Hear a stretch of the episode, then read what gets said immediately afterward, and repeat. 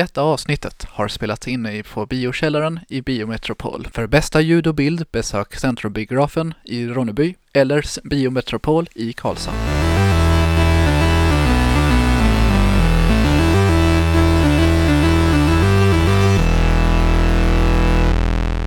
Hej och välkommen till Nerd Friendly, en podcast om spel, film, comics, serie, konstiga barn i magsäckar och eh, andra nördigheter. Det där var Mi- det mimar bästa, också va? har vi med oss i studion idag igen. Oh, Ja, det har vi. Till vänster om mig sitter... Ludvig Kardell. Eh, du, jag skulle prata nu, Christian heter jag. Jag är med här. Och Alice heter jag. Och Linus Benser. Alice kommer moderera det här avsnittet idag och det är ett filmavsnitt. Yay! Och vi har sett en... Jajamän. Vad har vi sett för film Alice? Vi var i Centrumbiografens VIP-salong. Amos heter den va?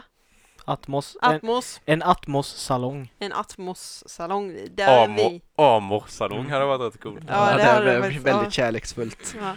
Där vi satt och såg Midway, en eh, verklighetsbaserad krigsfilm. Yes. Mm. Så nu kör vi. Nu Ja. ska vi in i kriget. Ja, in i kriget. Ja, Ja. In i Rätt kriget. in i kaklet. Hade inte du lite saker du ville säga nu i början? Om, om filmen. Om filmen? Jo, jag kan dra det redan nu.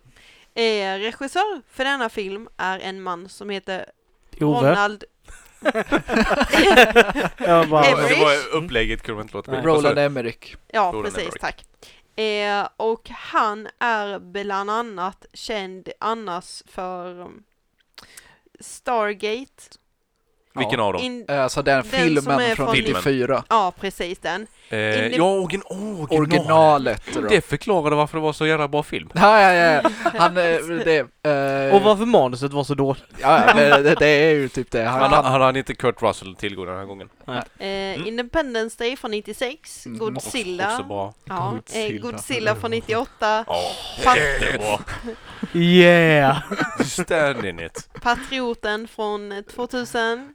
Eh, Damn. The Day Mel After... Gibson. Ja, eller hur? The Day After Tomorrow från 2004. Mm. 2008 gjorde han eh, 10,000 BC.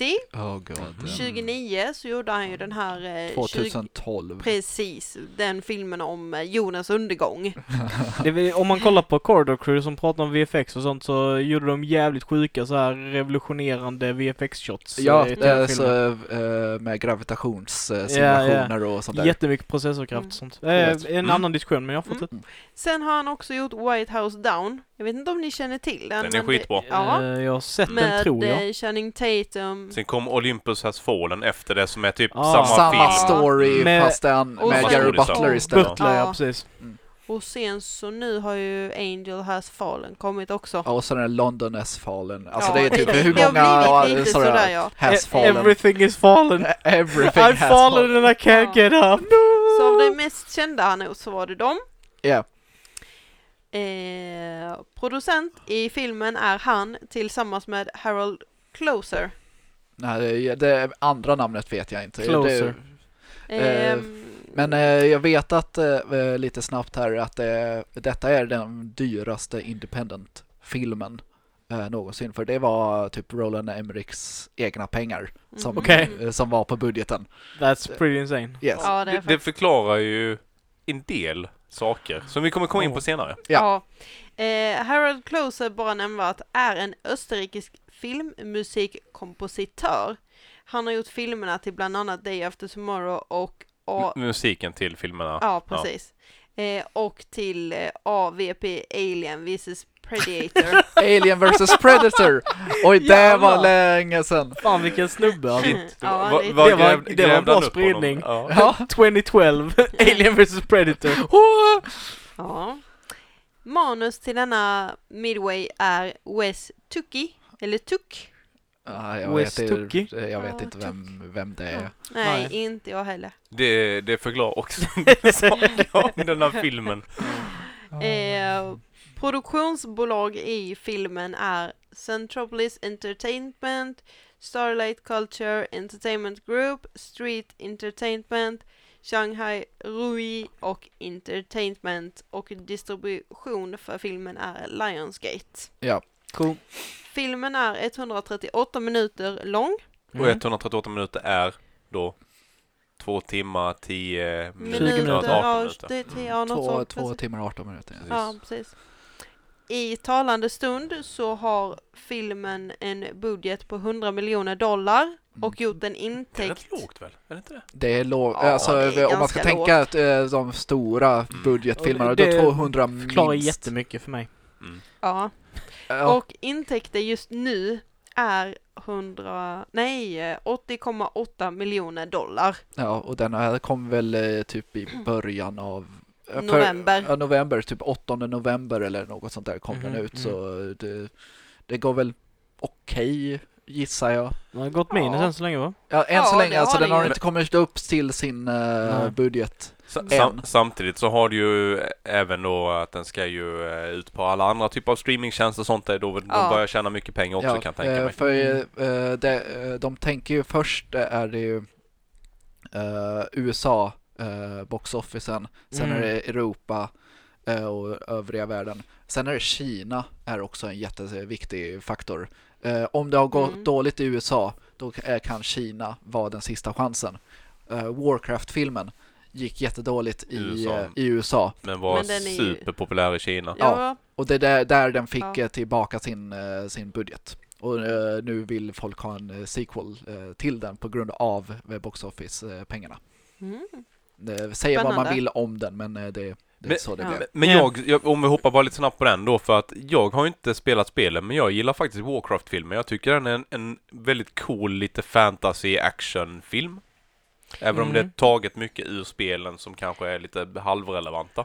Jag, jag som då har spelat spelet tycker filmen är ganska B måste jag säga, men jag kan förstå din åsikt när du inte har spelat spelet. Men jag tyckte den var lite löjligt överdrivet animerad på sina ställen.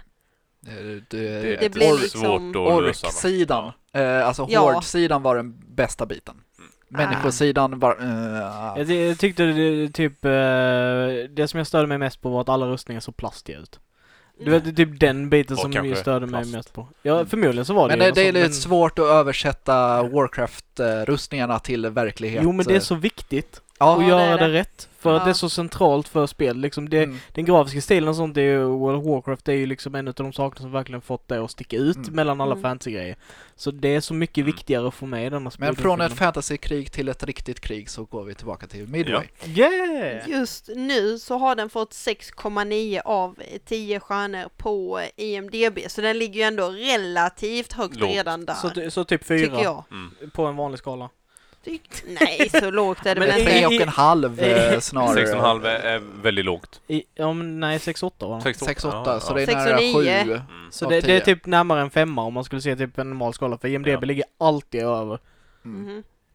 Eh, Ja. och vidare i alla fall. Eh, filmen. Filmen. Det, det var en krigsfilm, utspelar Ja. sig i Den eh, är ju Stilla utspel... havet och Ja, det är ju... Ja. Det, men det är det, ju, ja, och det är ju slag. krigs, krigslagen. eh, Pearl och- Harbor, Ja. Midway, mm. som filmen heter.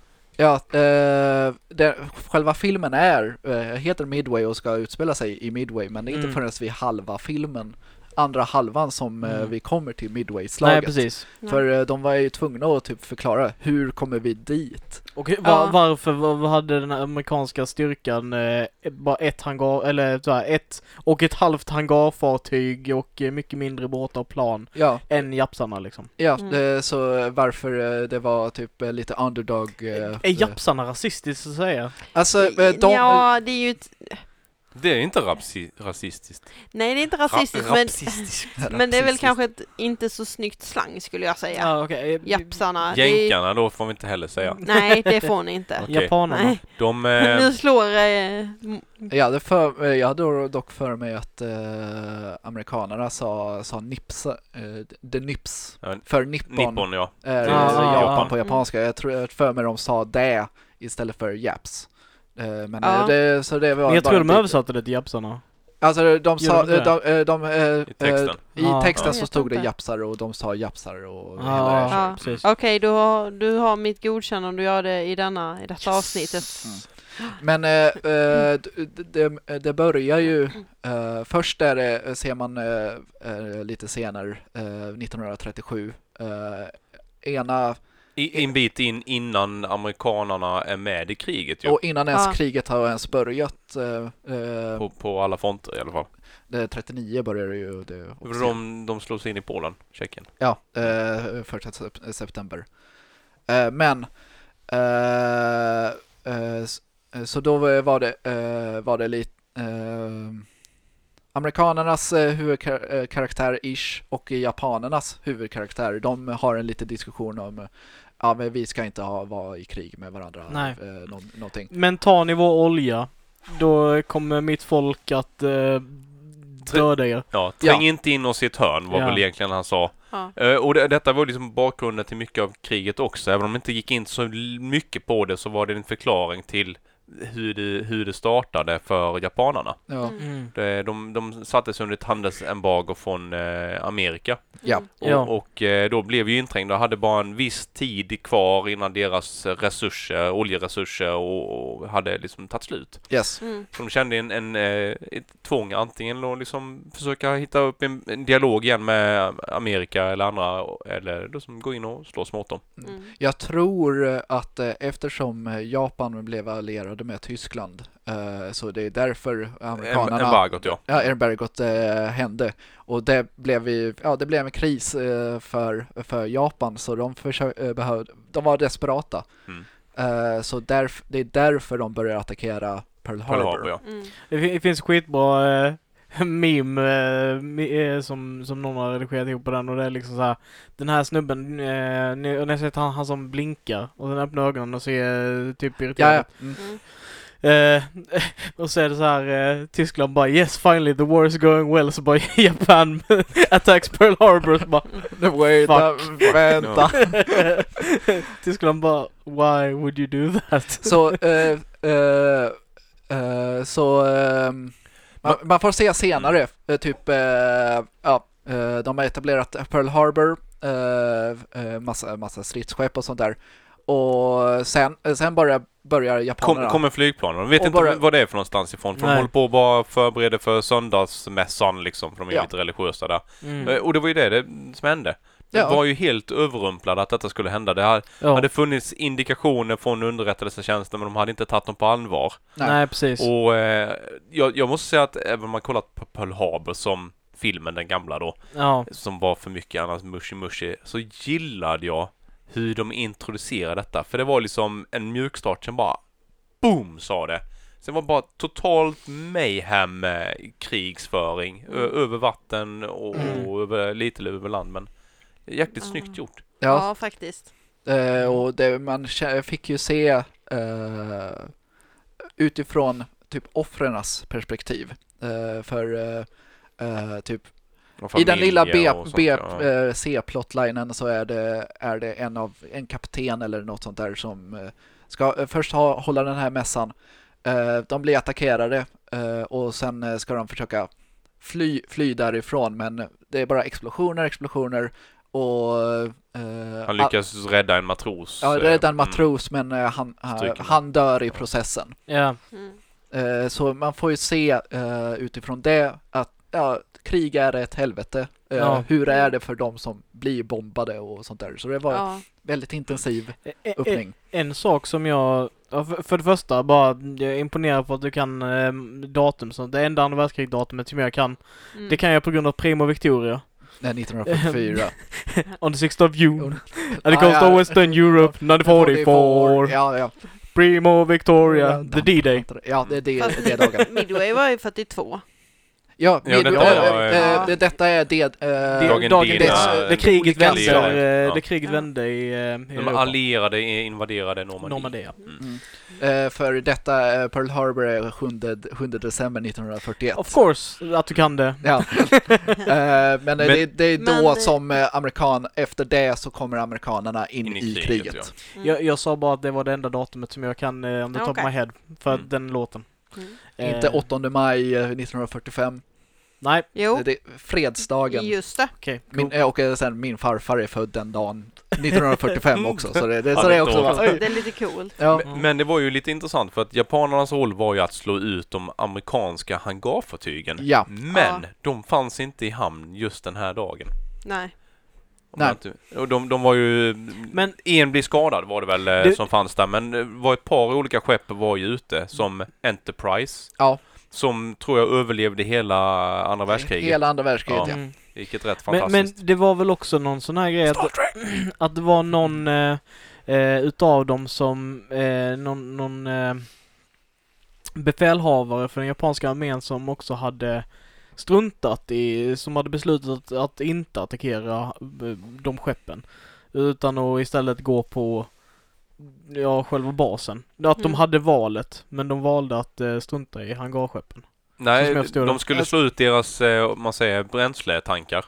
Ja, så var det. Och Mm. började slå på skeppen istället. För Ja, hade de slått ut bränsletankarna så hade amerikanarna varit, deras reserver då, var tvungna att evakuera Pearl Harbor tillbaka till eh, västra USA. Mm, Till mm. typ LA. San Diego har de sin stora marinbas. Yes. Eh, och då hade ju japanerna haft tid på sig att invadera Pearl Harbor egentligen. Mm. Precis. Men då hade man struntat i det och bara gick på skeppen istället. Vilket gjorde att de hade resurser kvar att stanna i Pearl Harbor. Yes. Vilket var en ödesdigert misstag och Mm. lite nonchalant. Eh, Ja, då de, japanerna. eh, japanerna var lite väl arroganta där. Vi, vi, Mm. vi, nu, nu har vi slått ner ja, deras stora skepp, eh, nu, nu, är det inga, eh, nu, är det, nu kommer kriget vara vunnet för oss eller något. Ja, ja. Men eh, så, så blir det att eh, eh, USA kommer med i kriget och börjar redan ä- attackera, eh, eh, ja, ty- typ tillbaka, Slå ja, tillbaka. Mm. slå tillbaka. Eh, Och vi, ja. vi får ju följa lite en hämndaktion bland annat där när, eh, vad heter han flygaren där? Eh, Doc- Doolittle. Doolittle, ja. Ja. Inte Dr. Doolittle, utan, utan eh, Captain Doolittle tror jag. Ja. Det Han fin, finns heter en... faktiskt överste l- löjtnant. Ja, löjt, eh, Ja. Han blev Löjtnant. Ja. överstelöjtnant Eh, eller sen efter, efter. eh, Ja, har jag för mig. Eh, James Jimmy H. Doolittle. Ja. Mm. Det finns en film om detta som jag kan rekommendera. Jag kommer inte ihåg exakt vad den heter men, men den är också... Dr. Lou Men- Doolittle. Ja, Men är det inte den filmen där, där man får se den här processen med hur de ska lyfta med bombplan på Ja. sån kort eh, och, och de, ramp de och letar här? upp liksom eh, duktiga flygare för att i och med att eh, Amerika inte har varit med i kriget mer än att det finns lite frivilliga som har slagits på de allierade, alltså engelsmännens sida så finns det inte så många som är vana combat-flygare flygare vid det här laget. Ju. Nej. Mhm.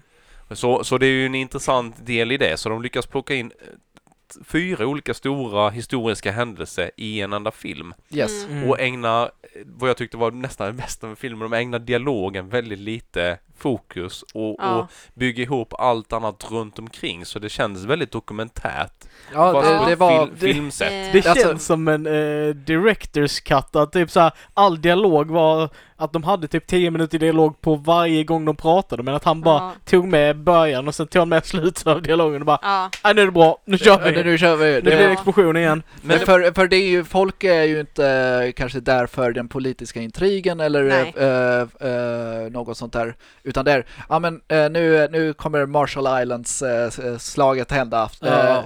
Ja. det, vi vill se explosioner. Och det, det levererar de ju hela tiden. Men, Ja. eh, Men, men Så det var eh, dialogerna mellan där, då är det, ja, eh, vad hände i Pearl Harbor? Vad ska vi göra nu? Ja, det Marshall Islands blir. Och så nästa gång blir det, eh, vad hände i Marshall Islands? Vad ska vi göra nu? Ja, bomba Tokyo. Och Ja, så. Ja. Precis. Så det är och, bara- och, och det är inte en massa kärleksintrig i bakgrunden som ligger där liksom och kokar och tar fokus från huvudhandlingen. Mm. Jag, jag tyckte detta var uppfriskande, underbart, fantastiskt eh, nöje att se den här filmen, vilket ni upptäckte på, på min, mina Ja, reaktioner. ja, Eh, Satt, satt bokstavligt talat och bara studsade i stolen. Vilket var lite intressant för att vi fick, eh, vi kollade ju i VIP-salongen i Ronneby. Ja. Eh, första paket Ja. och då finns det fotpallar där och de har försökt stjäla, ta, ta tidigare tillfälle men det fick man inte ha på högre upp. För, men man kan, man kan fälla sätena ganska långt vilket behövdes. Men det behövdes Ja. för det, skärmen var för nära. Så, Ja, det var det. Ja, den skulle ha varit lite mer vinkel där. Eh, men annars var det rätt häftigt att kunna ligga ner liksom lägga upp fötterna och när man Mm. kollar på bio. Det, det uppskattar jag. Mm. Eh, men det slutade med att man låg där liksom bara kokte och bubblade och var så exalterad över de här historiska händelserna som har, har gestaltat på ett väldigt bra sätt. Mm. Ja. Och till och med eh, en sån detalj över att regissören Henry Ford eh, kommer, kommer med där och ska få- börja dokumentärfilma.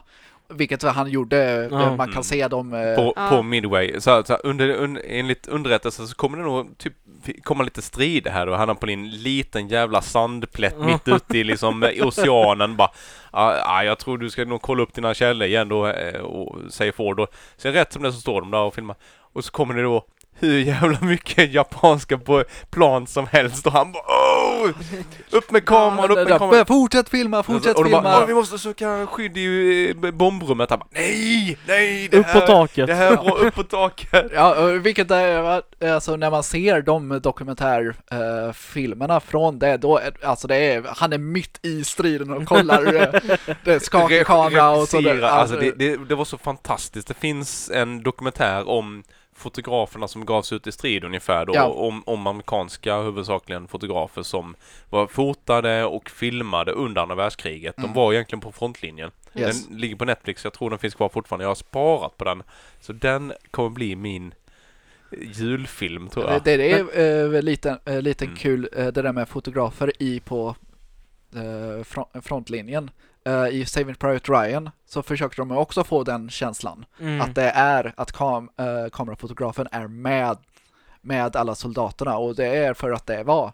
Eh, de var mitt i helvetet och ja, bomber över, över, överallt, eh, skakiga kameror, det är Mm. kaos. Mm. Och det Mm. lyckades de eh, få väldigt, väldigt bra där. Alice har försökt få in ett ord.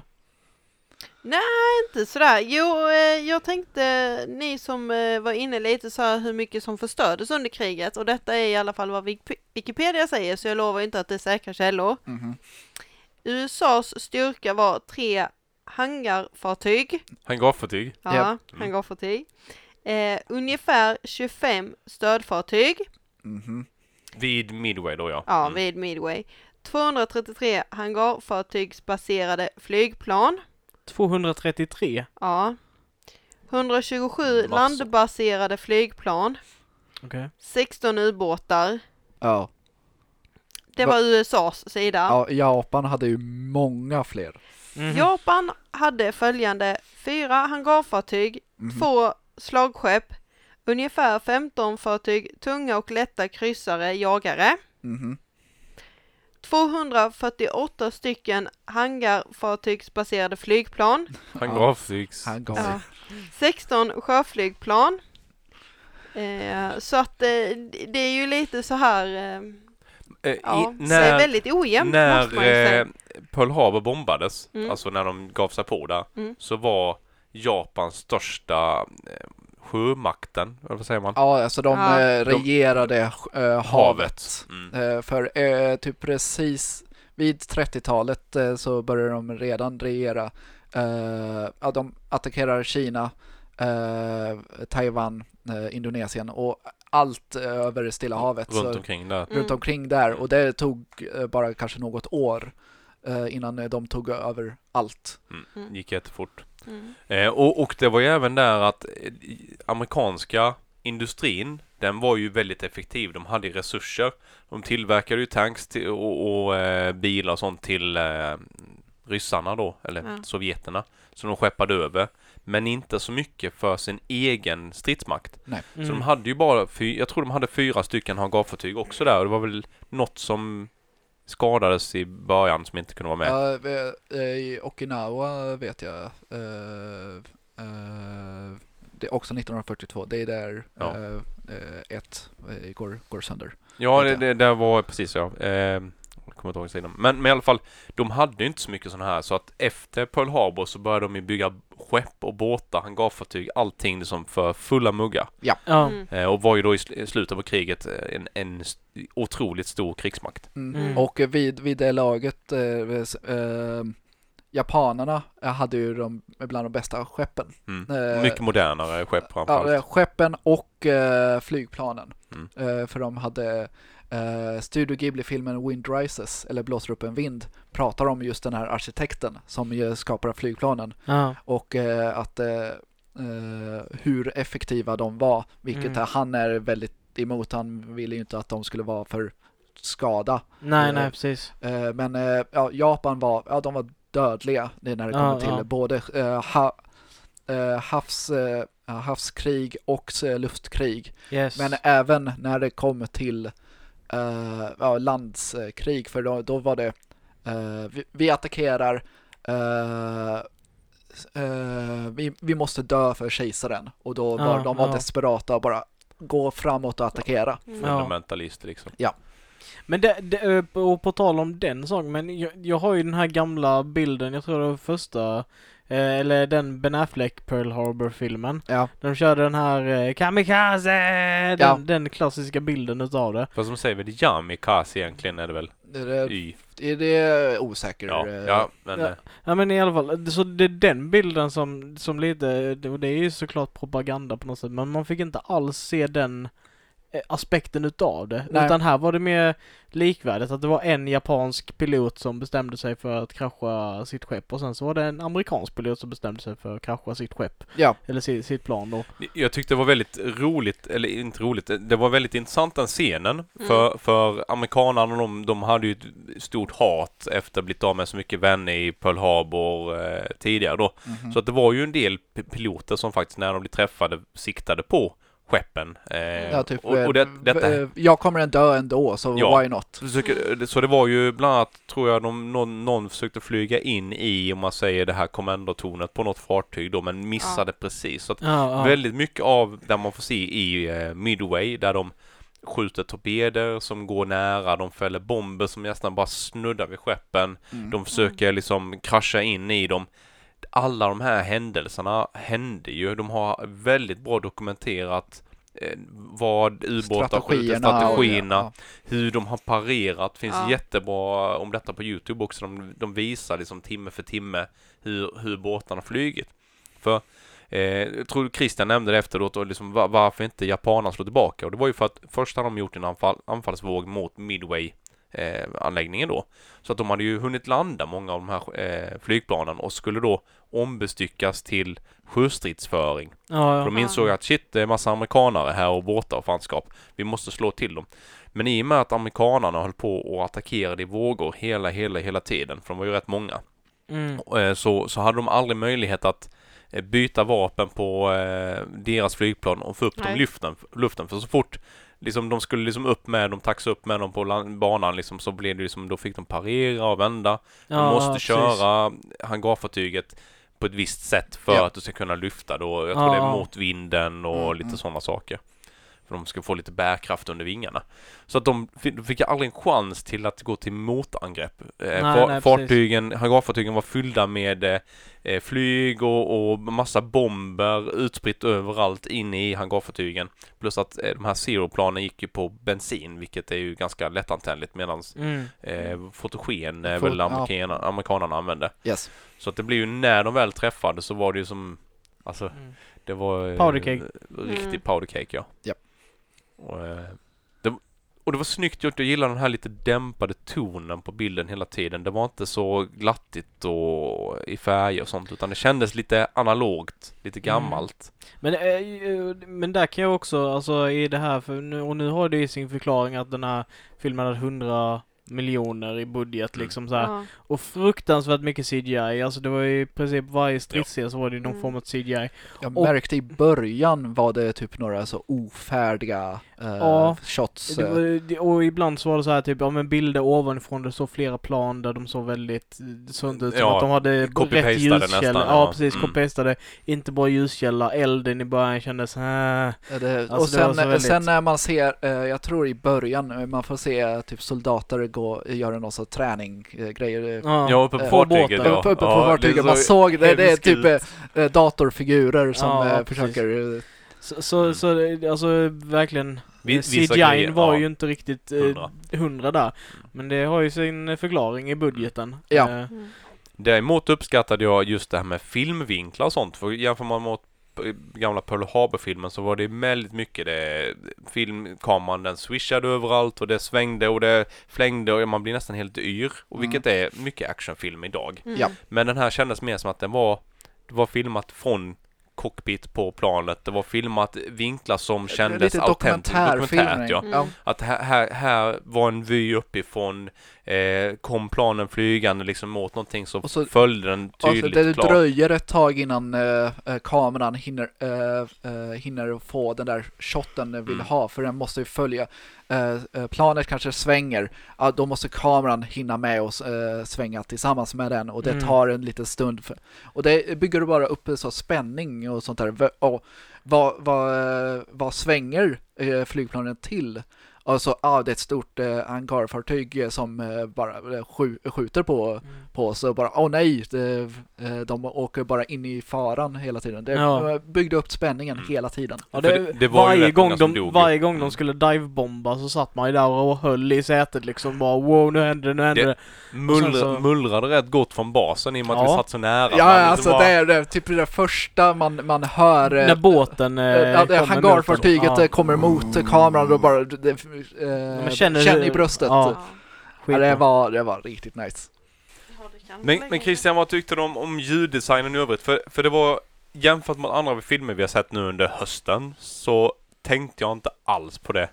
Det, det var, gick helt förbi mig. Det andra, andra var jag liksom ögongodis. Det, det finns ett par tillfällen där jag känner bara det här är spot on. I, i övrigt så, jag vet inte ifall det har försvunnit lite från mig det här med att tänka på ljudet så. Men jag tyckte att, eh, eh, att, att musiken var rätt.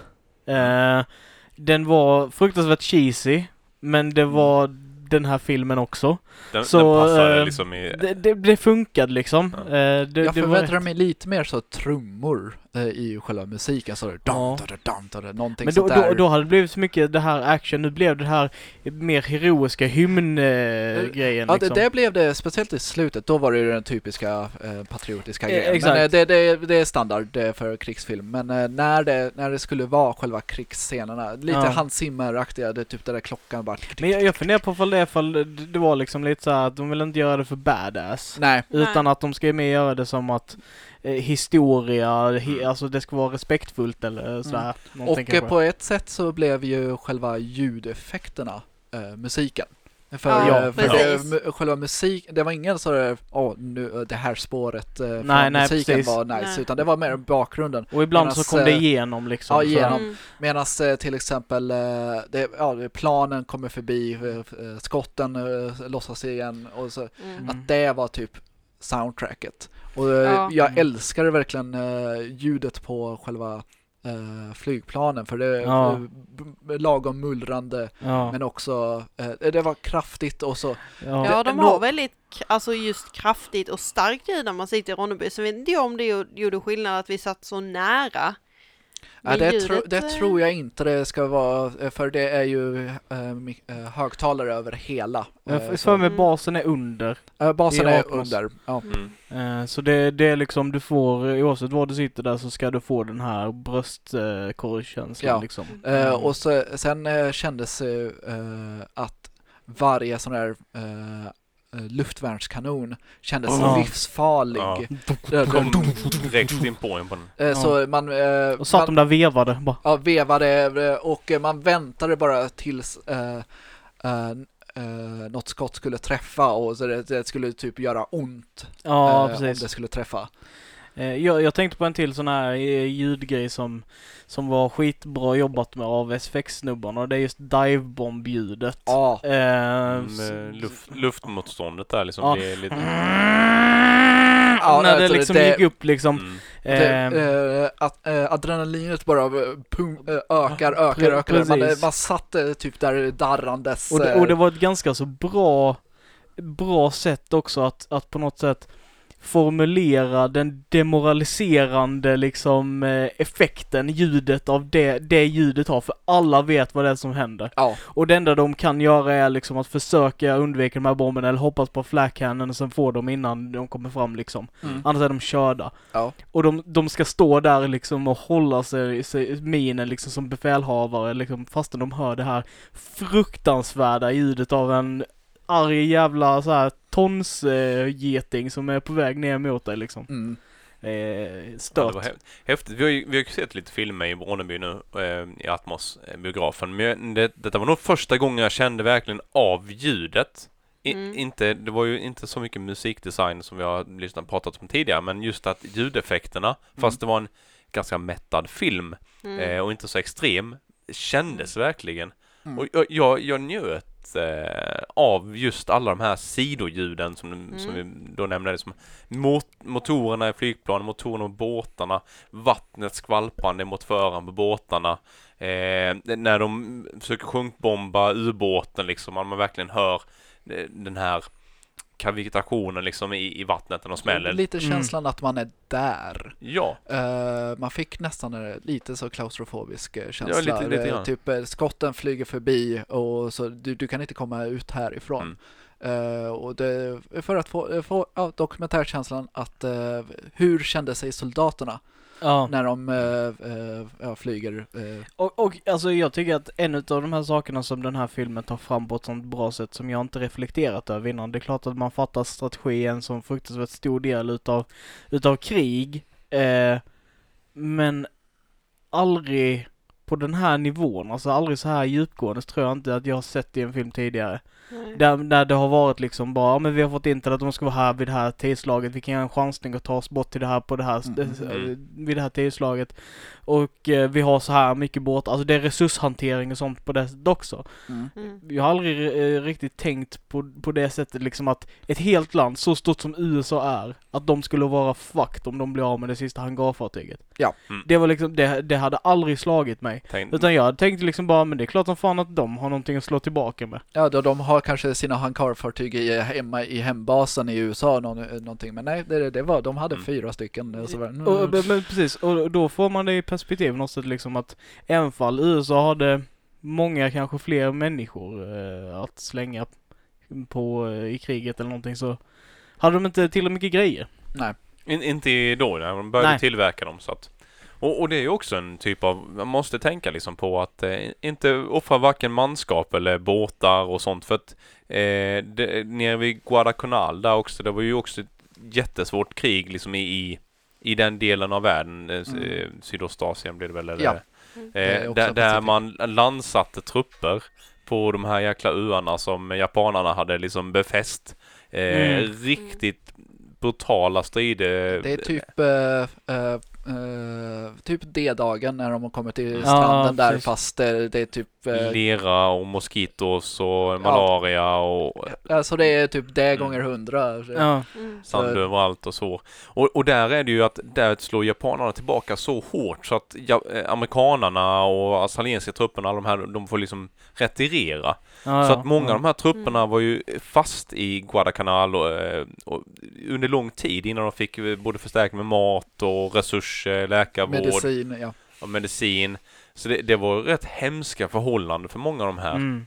Eh, Och jag tycker de tog upp det väldigt bra i serien Pacific som ändå har några år på nacken men som Mm. är fortfarande är väldigt sevärd. Den är Mm. nog eh, fortfarande en av de dyraste tv-produktionerna Mm. någonsin. Kan Det är Steven det. Spielberg och Tom Hanks. Ja, eh, okej. så Mm. det Mm. eh, det, 250 miljoner för en tv-budget. Eh, Så står det en och- miniserie. det då. Och, och detta är ju några år sedan så att eh, hade man ju alltså jämfört i dagens penningvärde så tror jag det blir betydligt mycket mer. Ja, eh, Mm. men eh, eh, något, något som jag också tyckte, eh, tyckte de eh, lyckades rätt bra med var att kunna visa båda sidorna. Mm. Så Ja. att det inte är vi mot dem. Eh, karaktärerna hade ju vi mot dem. Ja. Men att eh, vi som tittare eh, fick se amerikanerna eh, och deras strategier Mm. eh, och japanerna och deras strategier. Mm. Men eh, eh, amerikanerna så fick, man, fick vi se eh, de, eh, soldaternas familj och deras eh, privatliv och sånt där. Mm. Det, det kan, eh, jag personligt eh, skulle jag nog tycka ifall de gjorde eh, också så med japanerna så att vi, så att det, eh, vi skulle se det är ingen ond eller god sida. Nej. Nej. Men jag, jag tror också att i och med att det var ganska mycket asiatiska produktionsbolag som var med Mm. i, Mm. alltså antagligen hade ett finger med i, serie, i, i filmen så, så kan jag tänka mig att det finns nog en asiatisk version också. Mm. Eller japansk och en kinesisk. Alltså det, det finns nog en del material till som inte vi fick se. Vi fick se västvästversionen där Ja. man, man riktar sig mycket från amerikanska hållet. Men jag kan tänka mig att när den här släpps i Japan och Asien så är det väldigt mycket mer att de följer de japanska familjerna och nästan exakt samma scenarion som vi sett på de amerikanska. Att det är någon som mister sin kompis och det är därför de slår, slåss så mycket de kan och Ja, ja. Eh, för, för, samma sak händer ju för båda sidorna. Det Mm. finns, ju, finns ju bra filmer som Yamato då, heter Ja. det väl. Eh, och i, eh, Letters from Iwo Jima Mm. eh, med, och Flags of Our Father. Samma slag fast eh, från eh, två, olika, olika sidor. håll. Eh, Flags of Our Fathers är då eh, eh, Amerikanska. amerikanska ja. och eh, Iwo Jima är japanska. Ja, jag trodde nästan det var tvärtom. Eh, och eh, då eh, eh, det, det är Clint Eastwood eh, som har gjort den och han brukar vara väldigt så pro-America-aktigt så detta det är, det är nog hans mest sympatiska eh, film Mm. för att visa Mm, eh, eh, nu detta Bå- är det Båda typ, sidorna båda egentligen. sidorna. Ja, på ett Och- objektivt sätt. på ett objektivt sätt och då är det eh, detta är det sista striden i eh, Stilla havet Ja, ja. och för att visa den japanska generalen i sina sista dagar och det, Ja. det, i, hoppet är borta egentligen. Yeah, yeah. Ja, Jag, jag, jag tyckte ändå liksom att det var en jävligt bra eh, att man förstod och kunde hänga med i motivationen till dem eh, samtliga liksom. Det Mm. fanns ju en spänning redan i början där när de pratade för de visste ju under Alltså de visste ju vad, vad den andra var där för lite så när Ja. de pratade i Mm. konversationen i början liksom båda två de ville känna av varandra freds Ja. mäkla lite men de litade inte riktigt på varandra liksom. Båda Nej. två var Men, på eh, två olika sidor. Men respekterar Eh, varandras... Ja, eh, precis.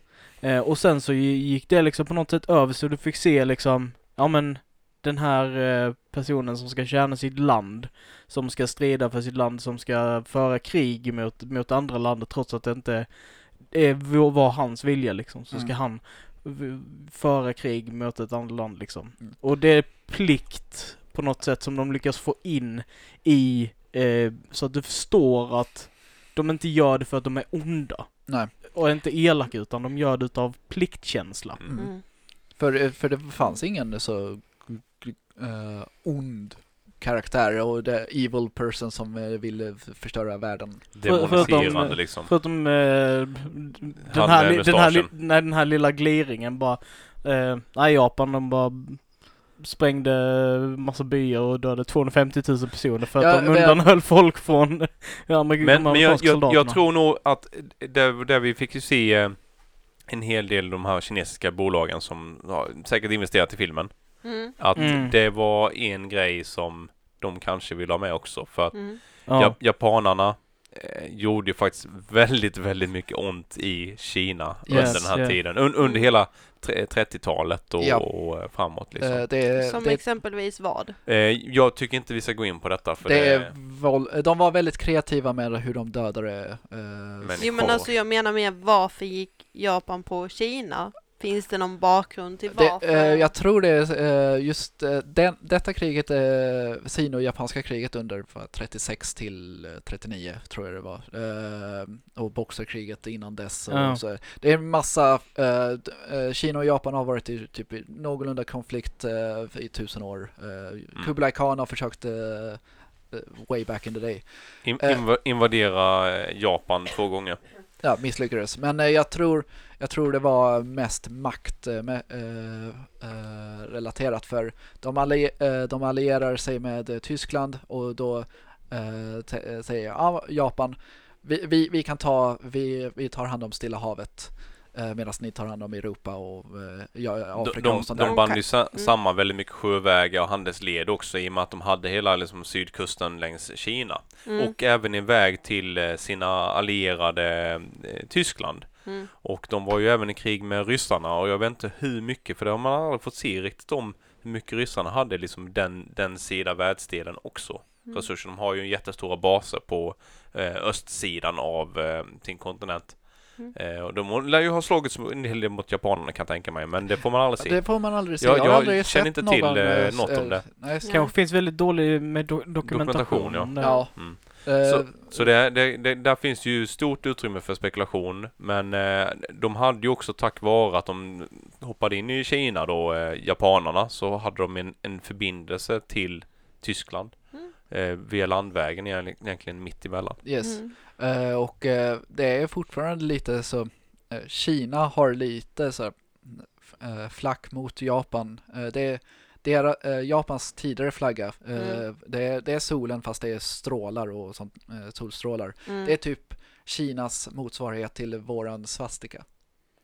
Alltså, Och vad är det för något? alltså Hakkorset. det, Hakkorset. hakkorset. Okej. Mm. Det är typ deras, eh, visar man upp den bilden då är det typ samma hatsymbol. Okej, då är jag med mer på banan. Mm. Mm. Sen var det väl under denna tiden som eh, Mao Chan, heter han väl? Eh, Mao Tse- Mao- Mao Zedong. Saitong, ja precis. Eh, Han var ju militär. Han var militär under vid Kina. Eh, Exakt ja, eh, och, och fick, fick inflytande då. Och efter, efter andra världskriget så fick han ju eh, successivt makten. De gjorde väl någon typ av... eh, Kulturrevolution precis, ja. 1953. Som också var väl lite blodig sådär. Sådana djävulska historienördar vi Ja, sätter med eller idag. hur? Ja, Ja. det är helt Verkligen sjukt. lite så. Men, men hi, Underhållande. historia är viktigt. Det, det är viktigt och framförallt att man, man vet vad som verkligen har hänt och inte att man går liksom eh, halvvägs vägen. För man kan inte alltid lita på film. Film eh, har en tendens att berätta en historia men det kanske berättar det på ett mer romantiskt, Romantiskt. romantiskt Ja. eller dramatiskt sätt. ja, Eh, och även vinklat beroende på vilken Ja, som ska berätta den precis. historien. Visst är det så.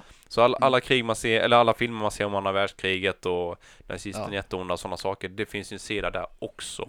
Ja. Eh, Jag, Skulle ni säga där att ni tycker dokumentärer är mer rättvisa? Att de är lite mer opartiska? absolut ofta- inte skulle jag säga. Eh, oftast är det att det är, det är oftast en sida där också. De vill ju Mm. vi, visa en vinkel eh, över eh, ja, nazisterna var onda. Men eh, har, du, har ni disk, eh, intervjuat eh, de som eh, stred för Tyskland? Hur, hur tyckte de? Eh, och även om eh, alla tryck kanske inte var, na- under, alla liksom. kanske Ja. inte var nazister eh, Mm. där, men även nazisterna de kanske hade sina egna motivationer över saker och ting. Mm. Eh, och sen eh, eh, USA är ju inte eh, alltså de eh, släpper ner två atombomber. De Mm. förstör hela Dresden eh, i Tyskland efter, efter kriget. Eh, så det, det är, de gör ju typ också. och, och där, brottskrig. där har vi ju liksom, eh, ja, krigsbrott, eh, Fury till exempel. Ja. Eh, gjorde en, faktiskt en helt schysst, eh, jag, jag tyckte faktiskt det var en schysst film. Mm, det det. och där hade de också den här lite schyssta, alltså så här, de visade upp krig och soldater liksom så här, Mm. när de släpper vit fosfor på på fienderna och, Ja. och sådana här Mm. prylar och att det redan då var liksom redan bannat liksom. Ja. Eh, du får inte använda det, men de an- använde det liksom. Ändå. Det, det var en kemikalie som gjorde att eh, Det bränner. det, det bränner upp dig. Alltså du, du dör som att du brinner, men du kan inte... Du Släcka. fräter Du ihjäl. kan, du kan inte släcka Ja. det liksom. Det är efter första världskriget som eh, sådana här kemikaliska, så senapsgas Ja, ja Eh, precis. Det är ju eh, var.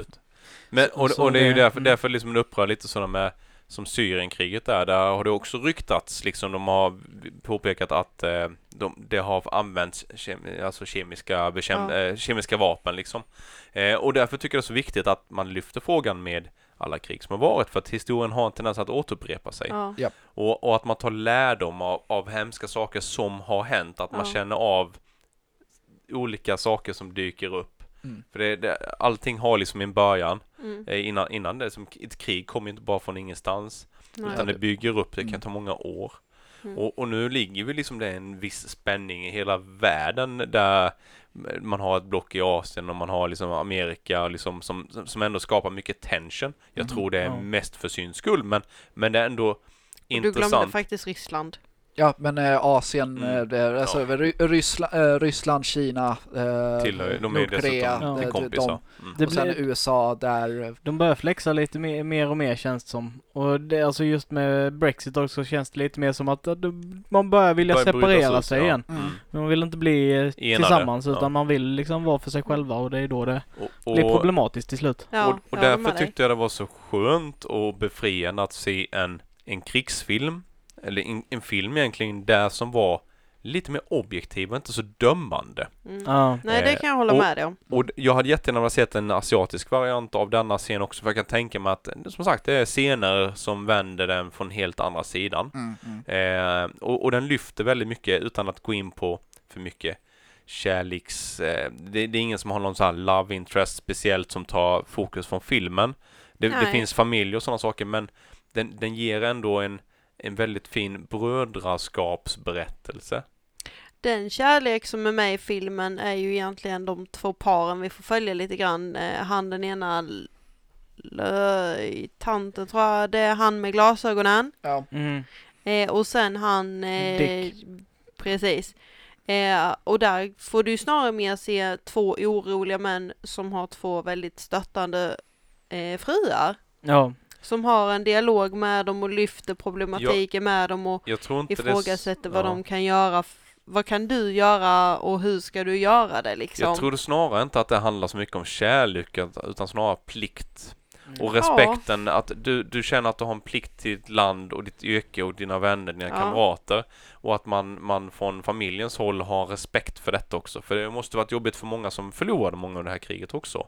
Mm. Eh, men däremot det jag ser som kärlek är ju snarare då de här tre kamraterna som gick eh, militärskola tillsammans då och sen då den ena han tar, tar vävning i flottan Mm. för det känns tryggare än att sitta i flyget. Ja, Ja, övertygade ja. hans fru om och han, det är han vi berättade om i början då att han Ja. stryker med den när han försöker göra en heroisk insats. Och sen är det två andra killar som man ser liksom korsa väg hela tiden då som Ja. är vänner och som vill hämna sin, sin kamrat. Mm. Ja. Eh, och jag, jag tycker den brödraskapsberättelsen är snarare mer kärleksfull än till deras kvinnor, Mm. om man så ska säga. Eh, det, ja, det, det Ja. var, en, det var en, en ty, typical guy movie detta, utan eh, några större, vad ska man säga? Det, det är ju... Den var inte så jävla pretentiös. Nej. Det, det är också fruktansvärt svårt att, att göra en film om andra världskriget och försöka trycka Vara in... objektiv Ja, nej och men liksom... att, att, jag menar trycka in kvinnor i, i, i den...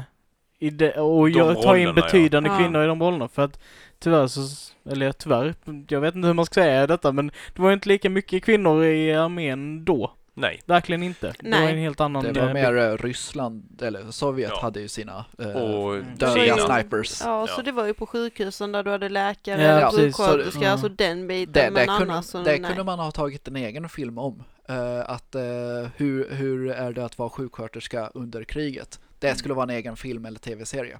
Och då får man se en, en syn eh, på det hela. Jag Medans- tror det hade varit en jävligt tung grej att se. Det hade det, det skulle Och det. det finns Kanske ju till och med lite, lite engelska Ja. serier och sånt som går in på ämnet. Men även där med, det fanns ju en hel del kvinnliga kodknäckare i, i Ja, Bletch- England. I Bletchley Park. Ja, de, den Det- är för jävla bra förresten. Det var väl, eh, de gick väl under pseudonymer eller så för att de inte blev respekterade utav männen i fältet och sådana där saker eller?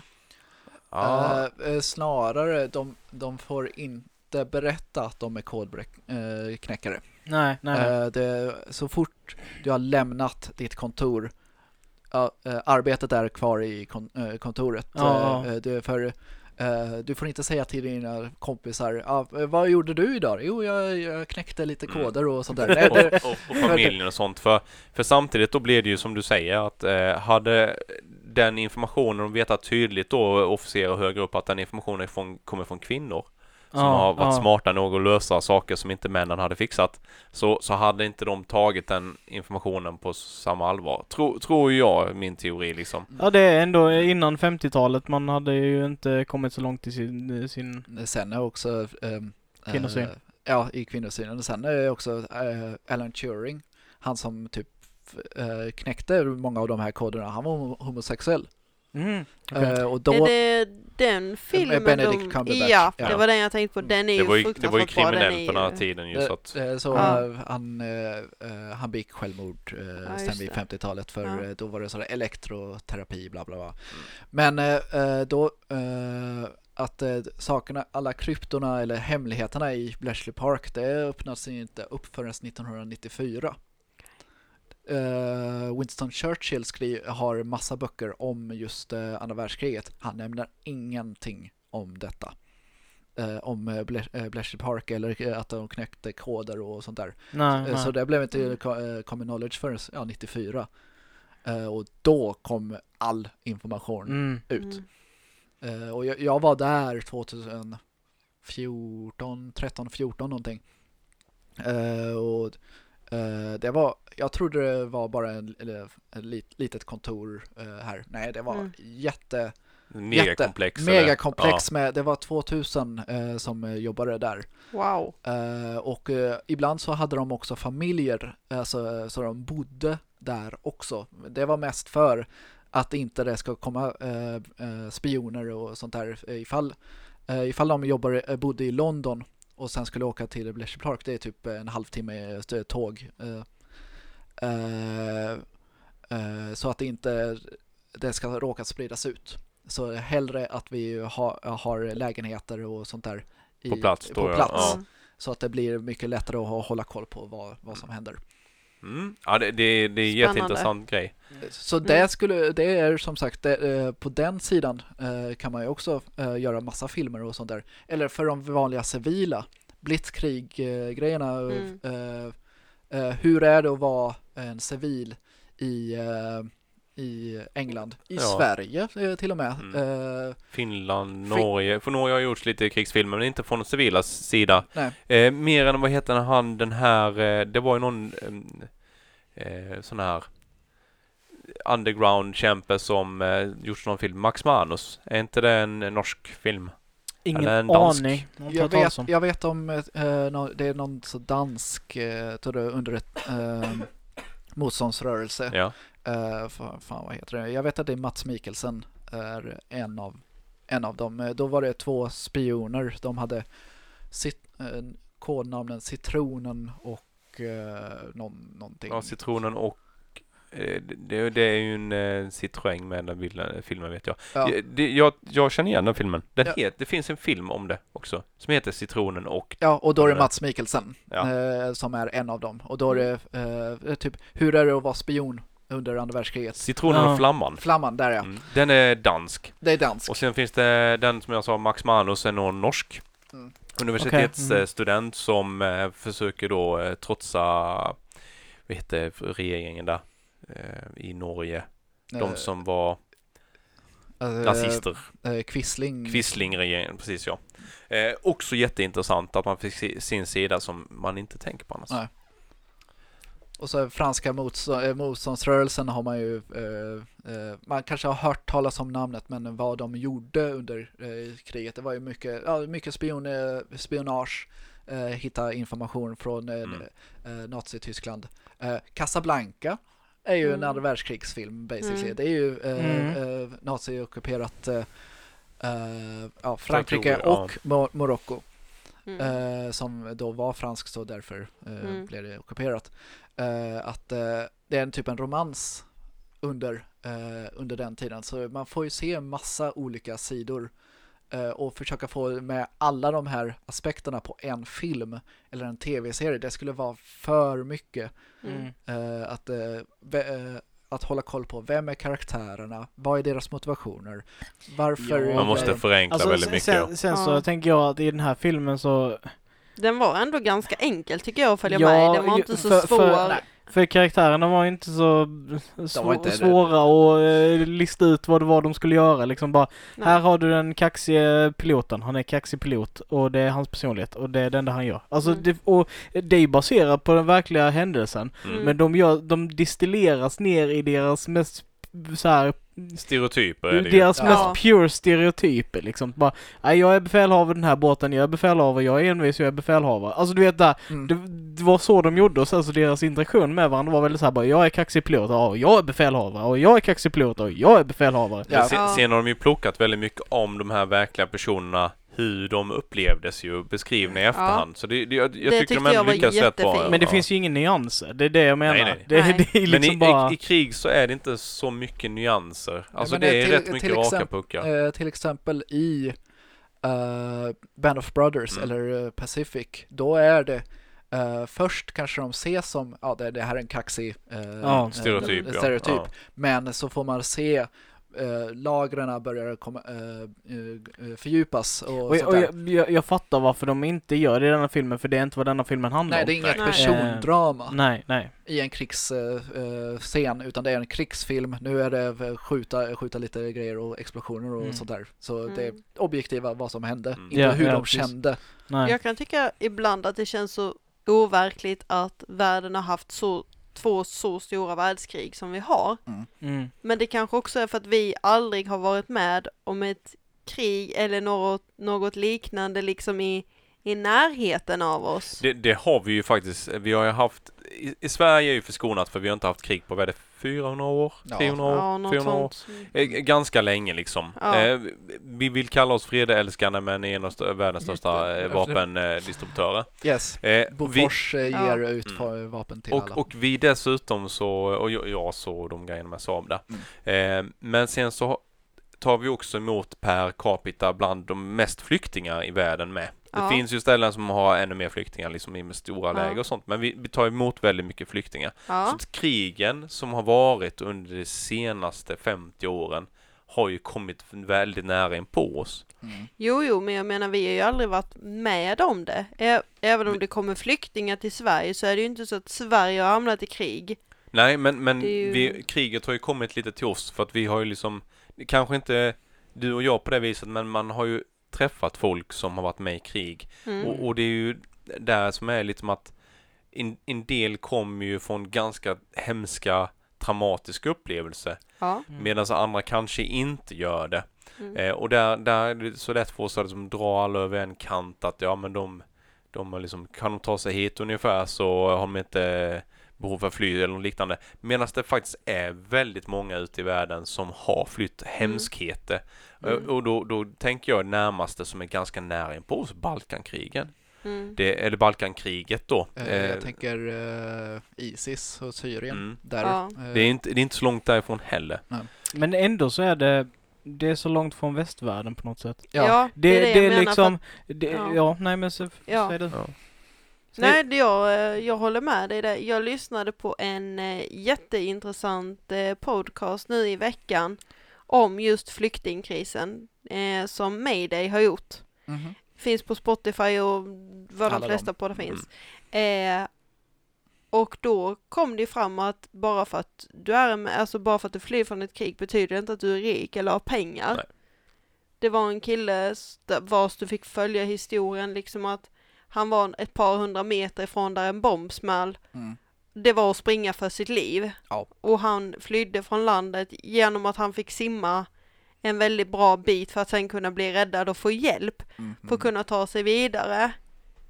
Så att jag tror inte man ska ta saker för givet och bara köpa rätt upp och ner allt media säger och skriver. För att det är vinklat. Det, det, och det han- blir inte det rättvist. är det jag menar, att man ska alltid bilda sin egen uppfattning. Men man måste också vara objektiv och lyssna och Mm. lära och inte inte göra en förenklad bedömning för att alla är olika. Man kanske tänker över lite grann hur man handlar och hur man behandlar människor. Mm.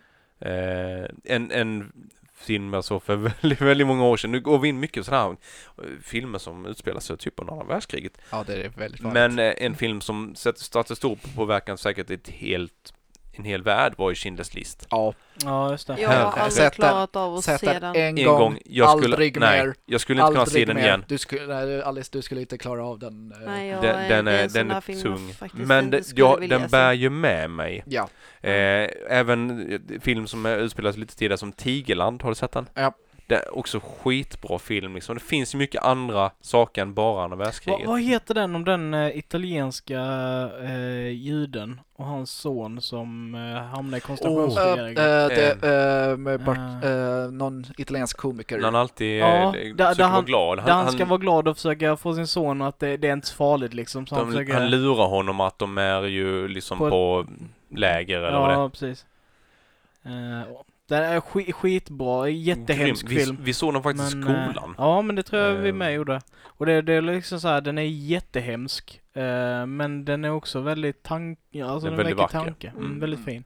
Eh, Har ni sett filmen The Boy in the Striped Pyjamas, tror jag den heter? Jag tror det. Pojken med den, ja, på Randiga svenska pyjamasen, ja. heter Mm, den så ja. frånklädd. Jag vet att den har funnits på. Netflix. Mm. Eh, inte finns när, kanske. när det kommer till det så förintelserelaterat, eh, jag, jag skippar gärna dem för då vet jag det kommer hända hemska grejer Ja. eh, på det eh, eh, med tor- tor- tortyr och eh, sådana saker. Ja. Ja. Nej, jag har inte sett den, men jag Så vet att den blev ju ganska stor Nu- ändå nu- när den kom. Men, Nu ja. shang- shanghajar vi ju in lite på från, från eh, Midway till Europa just i och med att vi är inne Ja. på krig då. Men, Ja. men jag ville slå ett slag för det här eh, när jag gick på högstadiet på Tumbyskolan i Bromölla. Då hade de ett projekt där man i nian fick åka till Stutthof i Polen. Ett politiskt fångläger, inte ett koncentrationsläger. Men där man Mm. faktiskt förintade människor, satte oliktänkande, homosexuella, intellektuella, eh, judar, katoliker, andra i fångenskap och i många fall även dödade dem. Mm. Och det var när jag kom dit en ganska stor ögonöppnare för mig. Mm. Vi hade en kille i klassen som eh, han var nynazist, både fosterfamilj eller fadderfamilj då. Och han blev ju han hade blivit indoktrinerad nästan liksom hur, ja men det är bara lögn alltihopa. När han stod där i det här lilla minicampet eller Mm, mm. Lägret då, där det var bara en bråkdel var kvar men man, man kunde se vidden av det.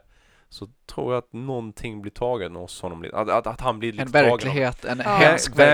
verkligheten kom ifatt. Ja, Och några år senare när jag fick möjligheten när jag gick på gymnasiet uppe i Skövde så eh, fanns ett aktivt Röda Korset ungdomsförbund där som började med toleransresor. Så vi hade studiegrupp i ett helt år nästan, eller ett halvår.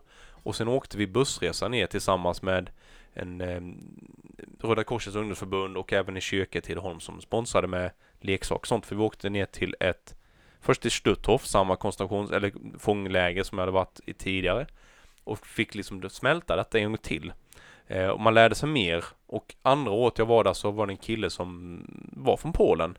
Han fl- flyttade därifrån med sin familj tidigt så han kunde flytta den polska vilket var jättebra för han kunde läsa alla skyltar. Mm. Han Mm. kunde läsa allt som var Eh, ristat. som eh, en Mm. eh, klasskompis så jag hade Ja. när vi åkte till Polen. Han kunde läsa saker som var ristat i gamla sängar som fanns kvar där liksom. Mm, Så det mm. var, man fick en hel, det blir som hela, varje gång jag kom dit så blir det ett nytt djup som kom in på mig. Mm. Mm. Mm. Och sen så var vi i ett eh, nunnekloster i, eh, utanför eh, Warszawa. Det var skithäftigt, massa barn och sånt. Barnhem och nunnekloster. Då hade vi med Mm. leksaker och rullstol ett år och sånt. Och sen så åkte vi ner till eh, Krakow och Stutthof, Birkenau då. De Mm. två stycken lägena. Eh, Auschwitz. Är ju då huvudlägret som var ett kvinnoläger från början. Eh, vilket är liksom felporträtterat i många filmer för det var inte alla som blev tatuerade med fångnummer utan det var mest i början. Sen blev det så många så att de Det, typ det, slutade ja, med det, det. det var typ eh, in, med, in med tågen in i de, Ja. gaskamrarna Det var bara direkt. förbi. Och sen var det mest kvinnor där men sen så blev det ju lite annat också. Det var ju två, två läger, det var ju den lilla. ja, och sen och- var det Birkenau, eh, sen Auschwitz Birken- 2. Ja, och då, Och- det var dödslägret. Det var dödslägret. Och Det, jag, var, jag var där. Du har också varit där, Ja, ja. det var... Alltså, det... Det, det var hem, egentligen hemskt. Det var tyst. mm. Och så man, att man vet att all död har varit här. Alltså Och- lite grav, som när du går på en eh, kyrkogård. en, lite en, eh, den. en kyrkogård är, är En- gl- glä, den- glad, mer glädje i. Kan man Eh, tycka. Ja. eh, eh, snarare, här har det varit en massaker. Mm. Mm. Eh, för vi fick väl gå in i gaskamrarna också.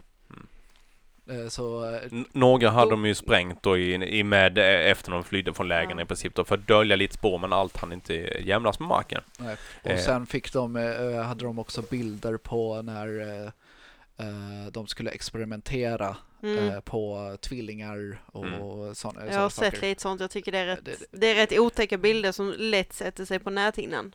Men, men vad vad jag vill komma till i alla fall, att historia, det är det viktigaste vapnet vi unga har. Nu gör jag Ja. situationstecken som är jättelätt att se i eh, podd. Eh, men, men att man faktiskt läser en bok, eh, kollar liksom riktiga dokumentärer, får en Ja. bredare bild och framförallt även båda sidorna. Ja. Och att vi inte glömmer. För att eh, det här påverkade mig till den personen jag är, som jag är väldigt stolt över idag och väldigt tacksam för att jag fick den möjligheten och människorna som gjorde detta då. För att första gången jag åkte med Röda Korsets ungdomsförbund så åkte jag som deltagare, sen åkte jag som ledare. Och eh, fick med mig vänner som också blev introducerade till det här och jag hade, vill så gärna berätta vikten av att inte glömma det här. Mm. Och, och att man, man har med sig det i sitt bedömande av andra människor och tolkningar. Mm. Eh, och, och det är liksom, det gjordes mycket hemskt under det kriget. Det har gjorts mycket hemskt efter det kriget. Det har gjort Mm, mycket mm. hemskt av länder som vi anser är väldigt demokratiska också. Mm. Men man ska inte stirra sig blind på småsakerna utan man måste se helheten Ja. och, och snappa upp tecknen när de kommer. För vi, vi diskuterar detta varje dag om hur vårt samhälle förändras. Men det finns kanske en anledning till att vår bild förändras och varför. Eh, den bilden har ju även säkert andra haft också. Mhm. Och, och, och var, var beredda liksom på hur ska vi göra för att det inte ska bli så igen. Mm. Så eh, lite depp, deppigt slut på detta fantastiska filmavsnittet. Eh, men ja, man måste ta sitt tillfälle akt och sprida Ja. det viktig information. Och det är ju viktigt att vi också kan sprida ett budskap vi tycker är viktigt i, som förening. Mm. Det är, Eh, eh, och att vi belyser det och att vi vågar belysa det. Ja, eh, för eh, annars man får en sån ignorans Ja, Ja. precis. över, över hela typ man vet inte man ve- vet kanske att det händer saker men inte varför. Mm. Varför gör du på detta sättet? Ja, då eh, se, Va- se vad- flera vad hä- vinklar på hände det. än innan liksom. Ja. Och det finns jättemycket intressant historia om, om Polen där liksom hur, hur de försökte de slogs liksom om Warszawa, försökte skydda det till varje pris då, liksom red ut med hästar och försökte fightas ta- eh, tanks när nazisterna invaderade. Eh, och och my, mycket andra saker som är viktigt. De Jag- höll jag- sig i tre dagar. Ja, Mm. men, men jag, jag blir, och det var även i filmen när jag studsade så mycket emellanåt, jag blir så berörd av andra människors osjälviskhet. Mm. Och det fick vi se lite typiska händelser som faktiskt har hänt där, där andra sätter andra, alltså män sätter andra människor eh, före sig själv. Mm. Att man gör någonting för andras bästa. Mm. Eh, och att principen är viktigare än själva handlingen. Mm. Eh, så att jag, jag tycker det är så fantastiskt att man gör en film på det här viset. Ja. Mm. Ja, förlåt mig. Nu har jag stulit massa Du ska tid. inte be om ursäkt, du ska stå på dig Eh, och och och ta eh, för dig. varför pratar vi massa sådana här saker i, i detta avsnittet? Och allmänt då? Jo, för att vi är en förening som heter Nödvändigt. Vi har vår bas i Karlshamn. Vi är till för alla. Främst om du är nörd, givetvis. För, för vi... Eller en liten nörd. Du måste inte vara en stor nörd, du kan vara en liten söt nörd alla, alla, alla, alla, Alla har vi vår egen, alla är välkomna, vi har vår Ja. egen lilla nördighet och, och det handlar liksom om att hitta en plats där, där alla är välkomna utan att du behöver liksom vara hardcore eller bli dömd på något sätt. Utan Kom- Man kanske är nyfiken på, ja men vad är loren i Star Wars? Eller Ja. Precis, ja. Eh, Här har vi eh, kanske några som eh, kan jättemycket om Star Wars. ja, jag, då jag är- tycker om att s- sticka liksom. Ja, det väl- likasinnade. För, för något som nördar har gemensamt är Ja. ju oftast en kreativitet. Ja. Ja. Vi ser lite annorlunda på saker. Sen ser vi inte det på samma sätt, men vi ser det på ett annorlunda sätt. Och därför tyckte vi att det var viktigt att det fanns ett forum, några som bejakar detta och driver den frågan. Så är man intresserad av att se lite mer vad vi gör, för det kommer hända väldigt mycket grejer under 2020. Mhm. Ja. Eh, gå in på våra sociala medier på eh, Nerdfriendly på Instagram. Och eh, nördvänligt på Facebook. Precis. Och vår mail är nerdfriendly1gmail.com om du eller- skulle vilja komma... Eller nerdfriendly1 gmail.com. Ja, det sa jag väl! du sa nerdfriendly1. Ja, Nerd, nerd, på engelska, ja. Ja. Nerdfriendly1 gmail.com.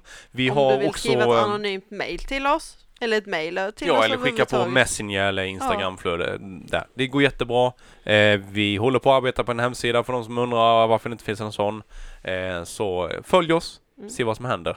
Är, är vi nöjda? Jag, det, det, jag Ja, känns det känns- det så. känns- eh, bra. Summeringsfattat så tror jag alla fyra gillade filmen även om jag är den som är psykiskt mest skadad fortfarande just nu. Ja, det, alltså Det- det, var en underhållande, jag tänkte, jag hade rätt låga förväntningar men det var, jag sa det, Jag hade, underhållande. ver- jag hade verkligen inga förväntningar på den här filmen. Jag, jag visste att det skulle vara action, men inte att den skulle vara så, så underhållande och så avslappnande. För jag, jag kände, till skillnad mot Alice, som är väldigt empatisk, kände med mycket av människorna i, i den här filmen. Så, så kände jag snarare att äntligen en film som inte tar mig rätt in på liksom själen av de personerna som är, utan de berättar om händelserna Mm. händelserna fi- och storyn och eh, fick vara liksom fokus. Ja. Ja, Så till sist men inte minst, Christian, the final word, vad tycker du? Eh, kanske eh, en fisk. Ja, det är en fisk, eh, en fisk är en fisk. Ja, Och det är i vattnet och vi alla fiskar i vattnet. Ja, det hörd var nörd. puss och kram, tack och hej. Hej. glöm inte att dela oss, då blir vi glada. Ja, Hej! Inte om ni glömmer att dela oss alltså. Utan- glöm inte. Dela Dela oss. oss. Dela oss. Hej, Sprid oss. hej, Ha det hej, gött. Hej.